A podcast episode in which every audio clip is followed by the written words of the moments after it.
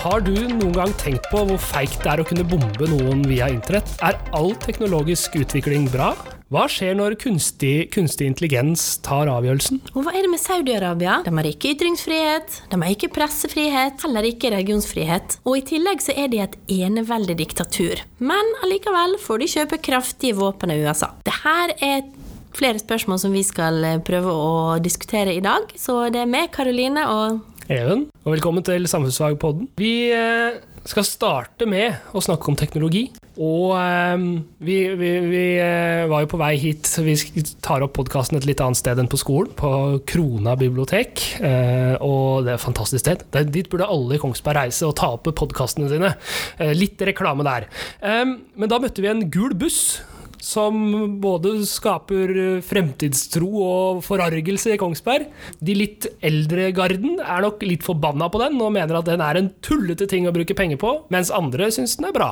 Ja, det er mange som lurer på hva skal den lille gule klossen eh, Hva skal bli av det her, liksom? Hva nytte har vi av det? Og da er det jo rett og slett en utprøving av en teknologi som vi tenker skal løse en del problemer i framtida. For det er jo nemlig en førerløs buss det er snakk om. Ja. Og det er jo fremtida, er ikke det det, med førerløse biler, eller er det så enkelt? Det er jo det som er litt spørsmålet. Man diskuterer jo det. Eh, hvordan er det denne bussen skal, skal, styres, og hva er det som skjer når teknologien bestemmer? Fordi at når en vanlig buss kjører, så vil jo da en eh, sjåfør bestemme hva som skal skje hvis den bussen er på vei mot et eller annet slags objekt, og det er det jo gjort forskning på. Som man, man ser på ok, hva er det bussen skal gjøre. Hva om bussen står foran tre hindringer? Én rett foran, én til høyre og én til venstre. Og så har du en gammel dame rett foran, og så har du et barn til høyre, og så har du en kvinne til venstre. Eh, I sin beste alder. Hvor skal bussen kjøre?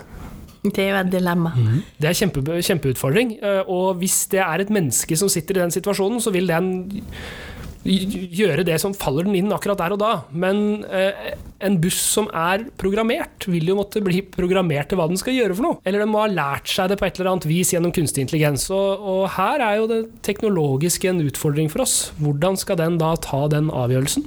Og vi står jo på kanten av en veldig spennende utvikling i teknologien. Vi har kommet til et punkt eh, der eh, maskiner kan lære, de kaller det for maskinlæring. Så ikke bare kan vi plotte inn A og B, du skal gjøre det og det, til en sånn maskin som den bussen bussen her, men de kan også da lære ved å ta inn data. Og det er jo det den gjør på den lille gule bussen som ja. kjører rundt i gaten vår nå.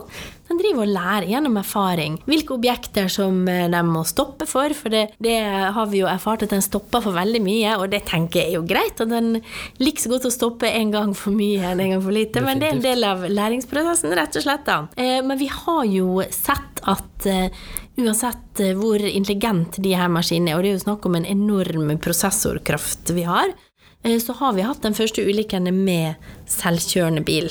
Ja. Eh, for det er veldig mange som har satsa mye på den teknologien her. Eh, Google har jo kasta seg inn i løpet, og Uber og veldig mange store aktører som har satsa på selvkjørende biler. For det hadde jo vært deilig, og det hadde kanskje løst mange problemer. Altså hvis du slipper å lete etter parkeringsplass fordi bilen kan kjøre av gårde tilbake til sånn docking station-aktig mm. ting. Men det er noen etiske problemstillinger her, da. Vil en eh, maskin kunne ta den rette avgjørelsen? For det er jo ikke alltid det bare er tekniske data inn og ut som Nei. gjør det når vi tar avgjørelser. Og et uh, område der det etiske må kobles på ganske mye, er jo bruk av kunstig intelligens i forsvarsmateriell. Ja, definitivt. Nå har det jo vært et angrep på onsdag kveld. Uh, det er ikke så veldig lenge siden hvis er fredag nå, eh, som en amerikansk drone eh, bomba eh, noe de trodde var IS-soldater i Afghanistan, og det viste seg å være 30 bønder Eh, eller det vil si, det var 30 bønder som mista livet, og så var det 40 stykker som ble skada. Eh, det var ganske mange mennesker. Og så vet ikke vi helt om denne drona er eh, fullautomatisert, eller om det er noen som styrer den. Men uansett så har jo det noe med teknologi og, og, problematiske ting ved teknologi å gjøre. For hvis det er sånn at jeg kan sitte trygt og, og uten noen som helst fare og kunne styre en drone som kan kunne drepe 30 mennesker og skade 40 ja, uten det... å ta risiko selv i det hele tatt, så er jo det en litt sånn utfordrende greie. Det blir på en måte som å, å spille et dataspill. da. Eh, fordi at man, man ser, jo, ser, jo, bare dette dronekameraet, og så skal man da slippe bomba. Kjører man et F-16-fly, så sitter man i hvert fall i flyet selv og tar den risikoen det medfører å fly inn i et, inn i et krigsherja område. Eh, så kan man jo argumentere med at det også er feigt, hvis man kjemper mot folk som har mye dårligere våpen enn deg selv. Ja, men terskelen blir kanskje litt lavere når du sitter Og det vet vi jo, de sitter jo i bunkere i ørken i Midtøst, Midtvesten i USA. Ja. Og det er jo det du sier om dataspill er interessant, for det, jeg har sett eh, filmen Drone, som er en dokumentarfilm som er lagd om akkurat det her, som jeg anbefaler.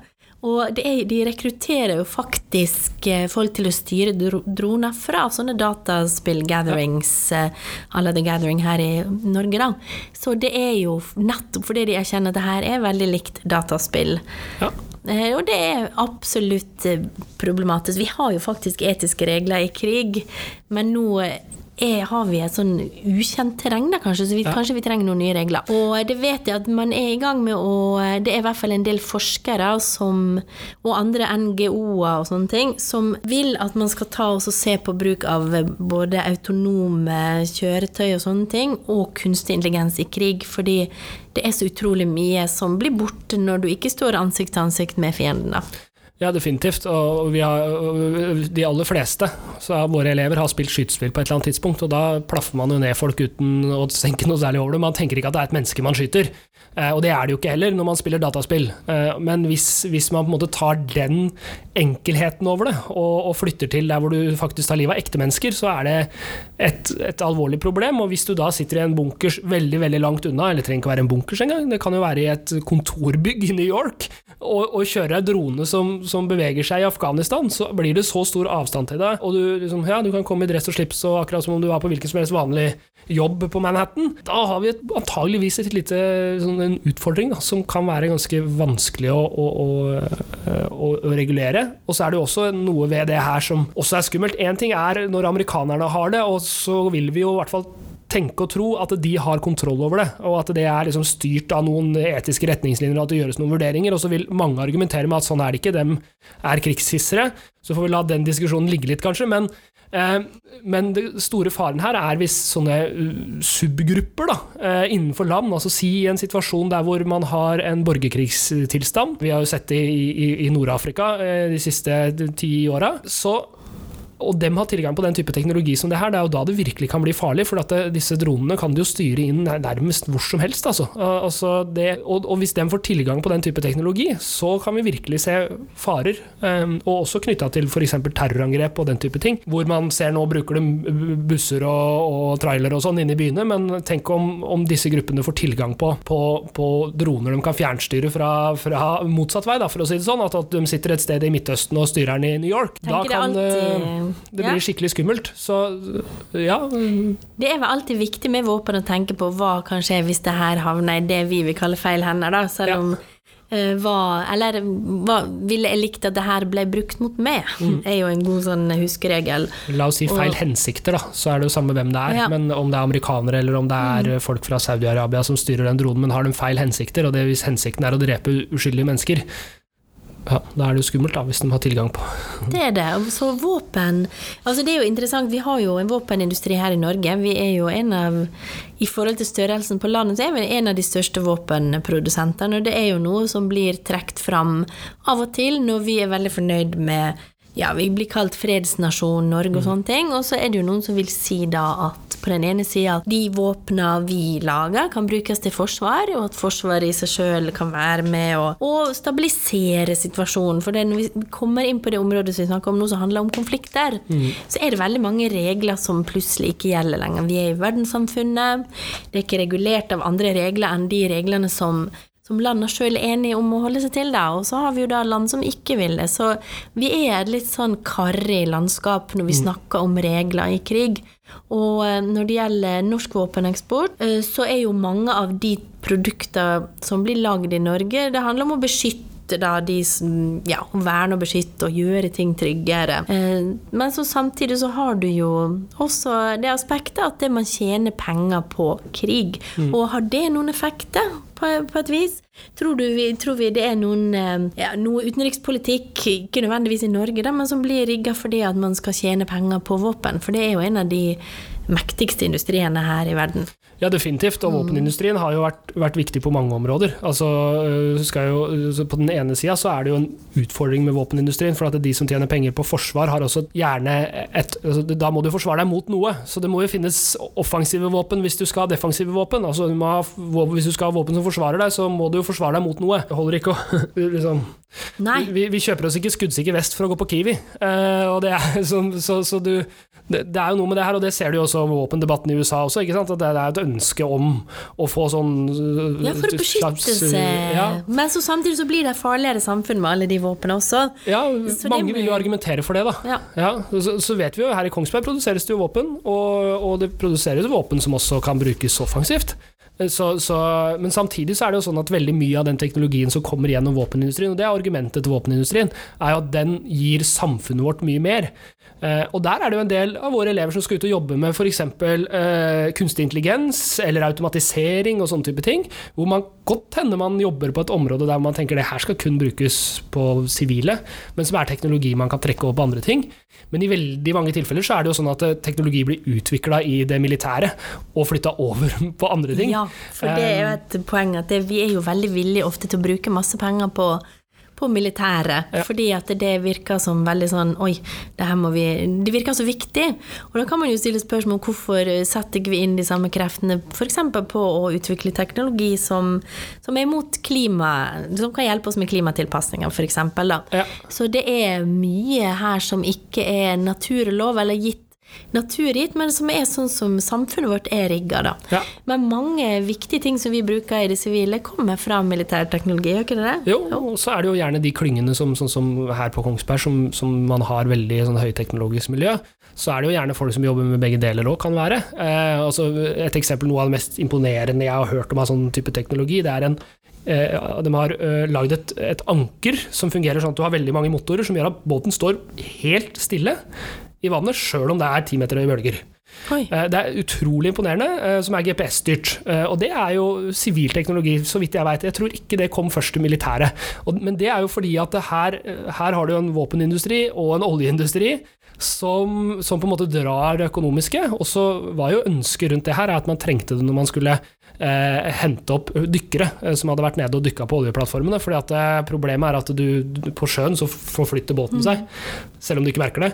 Eh, og så eh, kommer dykkeren opp igjen, og så kommer den opp et helt annet sted enn båten er. Og da er det en fordel å kunne helt, ligge helt stille, sånn at du er der hvor dykkeren kommer opp igjen. Eh, og det er jo sånn, sånn type teknologi som er kjempeinteressant, men tenk hva man kunne bruke den teknologien til i det militære også. Det har en sånn vekselsverdi her, og da skal man jo tenke hva, hva skjer hvis vi tar den teknologien vi har utvikla på det området her, over på et annet område? Og det er jo da det kan bli skummelt. Se Mark Zuckerberg eksempel, har utvikla Facebook og all teknologien som ligger bak det, som jeg tror det har endt opp som noe litt annet enn det Mark Zuckerberg tenkte. Ja, for det ser vi jo, det må jeg si når du sier det. Tenk på Kina og deres bruk av sosiale medieplattformer. Som, altså, de hadde ikke fått ideen hadde ikke Facebook fantes. Nei. Som de bruker til å gi borgerne poeng og straff, og som gir dem tilgang til goder og eh, sånne ting. Så det er jo Der har vi virkelig et godt eksempel på teknologi som var meint som én ting. Som i en eh, annen kontekst har blitt et forferdelig instrument for eh, ja, for overvåking, rett og slett. Da. Så vårt, eh, det vi tenker her, er i hvert fall at det, man må reflektere etisk. Altså etisk, det handler jo om å se på hva hva slags eh, konsekvenser ute i verden av rett og galt kan det her ha? Det må man faktisk gjøre i, i arbeidslivet, sånn som det er nå, og rundt teknologi. Helt klart. For det er ingenting som bare er teknologi. Nei. Teknologien skal også brukes av noe, og brukes til noe.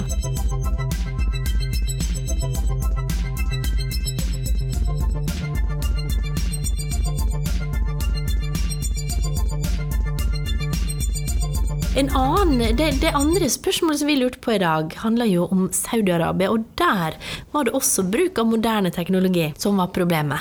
For i Saudi-Arabia, eh, som er et av verdens mest oljeproduserende land, så var det en liten drone som klarte å sette eh, store deler av oljeproduksjonen der ut av spill. Og da ble det krise. Ja, det blir jo krise da, fordi at mm.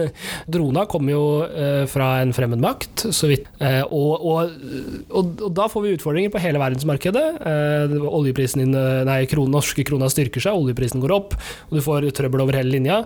Eh, og det er jo en kjempeutfordring når vi får sånne på en måte eh, ustabiliteter i, Ja. i, i samfunnet. Men olje er her viktig, for vi spurte i innledninga hva er det med Saudi-Arabia.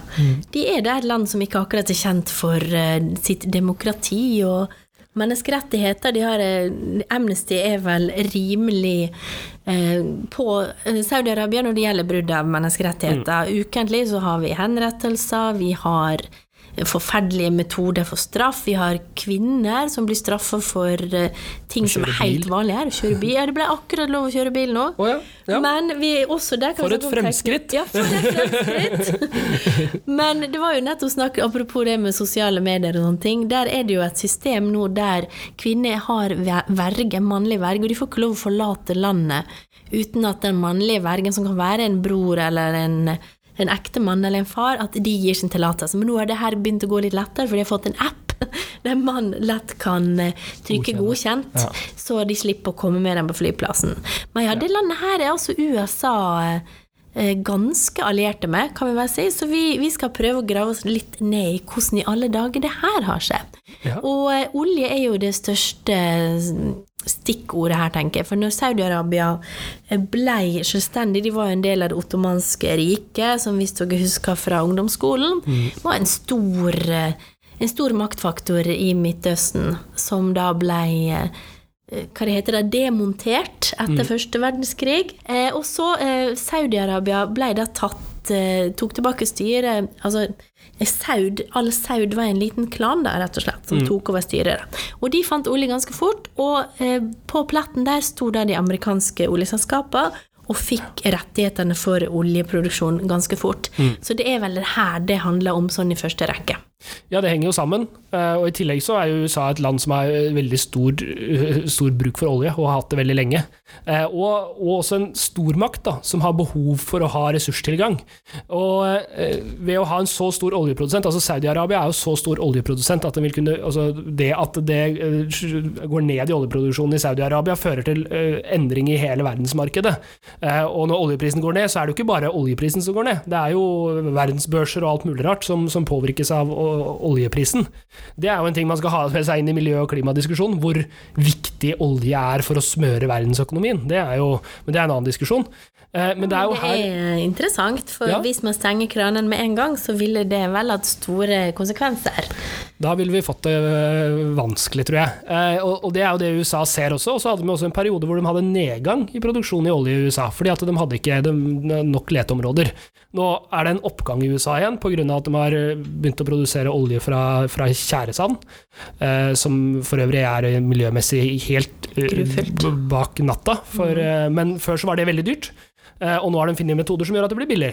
Men i perioder hvor det da var nedgang i amerikansk oljeproduksjon, så hadde de jo behov for å hente olje utenfra, og da er sånne type allierte som Saudi-Arabia kjempeviktige. Så da havner man jo i en situasjon, da. Ja, USA er jo opptatt av pressefrihet, opptatt av demokrati, religionsfrihet, alle de tingene her er kjempeviktige, og de har jo til og med gått til krig rundt omkring i verden for å, for å innføre demokrati. Samtidig så er en av deres eh, allierte eh, kanskje verst i klassen, eller i hvert fall blant de aller verste. Men så blir jo Saudi-Arabia litt sånn, hva skal man kalle det, uh, hvitvaska. Uh, altså altså dem- dem- man tenker ikke sånn over det, for at det, er, det er så mye rikdom, og folk lever ganske bra, med Ja, for de de som har jo uh, de beste sosiale ordningene i verden. Altså, Ja. Vi snakker om velferdsstaten. Eh, De har noen sosiale ordninger som er helt ekstreme der nå, fordi de er så rike. Og, det, og så har du også et veldig klasseskille. Da, De Mm. importerer jo fremmedarbeidere, og de lever jo bortimot som slaver. Ja. Eh, Men, eh, og min kilde for, for det her er jo FN-sambandet, som vi kan si er en rimelig nøytral kilde. For det, selvfølgelig, googler du Saudi-Arabia, så vil du få veldig forskjellige syn ut fra hvor, hvor man befinner seg på det politiske landskapet. Men når vi jobber med konflikt på skolen, så syns jeg at det FN-sambandet er en, en eh, veldig god kilde, som er nøytral. Ja, altså I tillegg så er det jo sånn at det vi, nå legger vi fram én side av saken, og så vil det jo være opp til på en måte eh, dere som elever, eller læreren deres, og også kunne synliggjøre andre sider av saken. For i en podkast på 20 minutter så vil det være en halvtime vil det være veldig vanskelig å, å, å vise hele bildet. Eh, men her ser du det maktforholdet. For at det, det, ressurser er så viktig for oss at vi har tilgang på ressurser, og for USA så er ressursen da viktigere enn disse verdiene som, som man anser som så, så, så viktig for oss. Det stemmer. Um, og det er jo litt sånn som med oss. Med, vi har mange elever som kjenner til Maslows behovspyramide, mm. der de grunnleggende behovene som det å være fri fra søvn, altså få nok søvn, få nok mat og vann og sånne ting, de må dekkes før du kan begynne å tenke ja. på de andre tingene. Og det er jo litt sånn i verdenssamfunnet også. Definitivt. En annen ting jeg tenkte jeg kunne snakke om, var det der med Iran. For det, hvis noen har lest om det som har skjedd i Saudi-Arabia, så vil jeg si at Iran er implisert. Mm. Eh, eller involvert. Noen sier at det her eh, Altså, det er jo Iran som Trump nå truer å gå til krig med, selv om folk står rundt han og sier vi skal mm. ikke gjøre det. Altså. Mm. For det er en veldig betent sak. Og grunnen til det tenkte jeg kunne snakke litt om, for det handler jo faktisk litt om religion og sånn. Mm. Eh, for i Midtøsten så har vi en slags skillelinje som også går eh, gjennom Shia og sunni muslimer, rett og slett. Og der Saudi-Arabia står for én type, så står det Iran for noe annet. Eh, det vi ser, er at det er Iran som er sjiamuslimsk. De støtter en bevegelse innad i Jemen, som da er sjiamuslimsk. Det er da Huti-bevegelsen. Og det er de her som har drevet da og sendt den dronen inn til Saudi-Arabia, og det er derfor Iran får skylda. Fordi Iran, og det her har det vært sånn diskutert, stemmer det at Iran støtter dem med våpen? Eh, FN-sambandet konkluderte i hvert fall med det mm. når jeg leste det sist, og um, jeg tror at vi kan si at det er ganske sannsynlig at Iran har forsynt Houthi-bevegelsen med, med, våpen og støtte. Mm. Men Saudi-Arabia da er jo eh, sunni-muslimsk, da, som er mm. den andre retninga. Så det her er også en viktig skillelinje også når man skal prøve å finne ut av hva som skjer i Midtøsten. Midtøsten er utrolig mange eh, altså Bare se på Syria-konflikten. Mm. Irak, så må du skjønne Du må vite om sunni og shia. At det er en skillelinje der òg. Definitivt, og det, det, er jo med på å drive en god del av disse eh, konfliktene fram. Eh, og så er det jo også sånne altså Man ser disse diktaturene som er rundt omkring, og både Iran og Saudi-Arabia har jo eh, eneveldige folk som styrer, altså folk som, som, ikke Det er ikke noe demokrati. Og eh, når man ser, da, ser på Saudi-Arabia, som har de gode velferdsordningene, folk lever ganske greit, så, så, aksepterer man det i veldig stor grad. Men man kan også se på et land som Libya, eh, som, eh, som, hadde Muammar Gaddafi som, som diktator, eh, som også var et land som man levde ganske fint i. Men der endte man opp altså med at befolkninga gikk til angrep og, og, og, og prøvde å liksom eh, gjøre noe med situasjonen sin. Gjorde opprør under den arabiske våren, ja. ja og, og, og, det er jo sånn, ja, hva kommer til å skje i Saudi-Arabia? Kanskje de har det så bra at det faktisk går fint. Det er ikke noe eh, tegn til opprør der, i hvert fall. Og Nei. det er nok de sosiale ordningene som står bak det. Mens i Jemen, derimot, som vi var inne på, der er det opprørstilstander. Så det er mye uro. Men det er ikke det er mye uro som penger kan dekke. Men ja. til slutt er det noen begrensninger for hvem vi kan selge våpen til, da, når vi snakker om at det er mye, altså USA gir jo mye støtte til Saudi-Arabia i form av at de selger våpen til dem, som de da kan bruke mot sine fiender. Og fiender, det har de jo, absolutt. Eh, hva med oss i Norge? Selger vi våpen til Saudi-Arabia? Selger såkalt B-materiale ja. til eh, Og det betyr altså sånne ting som jeg skulle til å si walktalkie, men jeg tror vi er på et litt mer avansert nivå. Med altså samband og sånne ting. Det er ikke eh, eksplosiver i det, da, for å si det sånn. Det er, det er, ikke ting som kan drepe noen, men det er allikevel eh, materiale som kan være med på å drive en krig fram.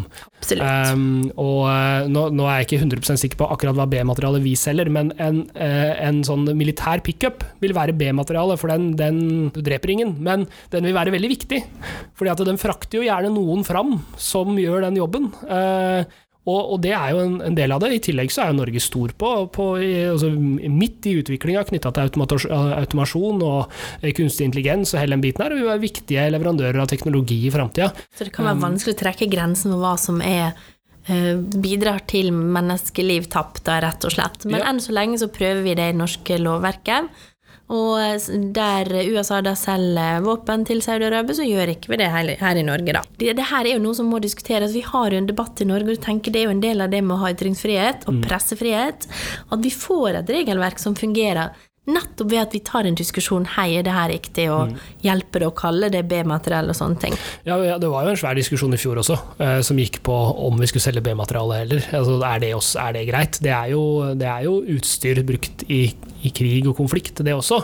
Så, altså, det er jo en diskusjon, men, men altså, det, det, er jo hele diskusjonen som et samfunn må ha hele tida. For at Norge er jo en nasjon som har vært med på offensive handlinger i utlandet. Vi har, vi har vært med på å bombe Eh, bomba land, vi har vært med på å drive offensiv krig. Og, eh, og, det er jo en ting som vi må diskutere. I noen tilfeller kan det være riktig å gjøre. Hvis, det, hvis, ene, eh, hvis intervensjonen vår gjør at man unngår en mye verre skjebne, så vil det jo kanskje være riktig, men den diskusjonen må man jo ha i et samfunn. Og så er det lett å være etterpåklok også. Definitivt.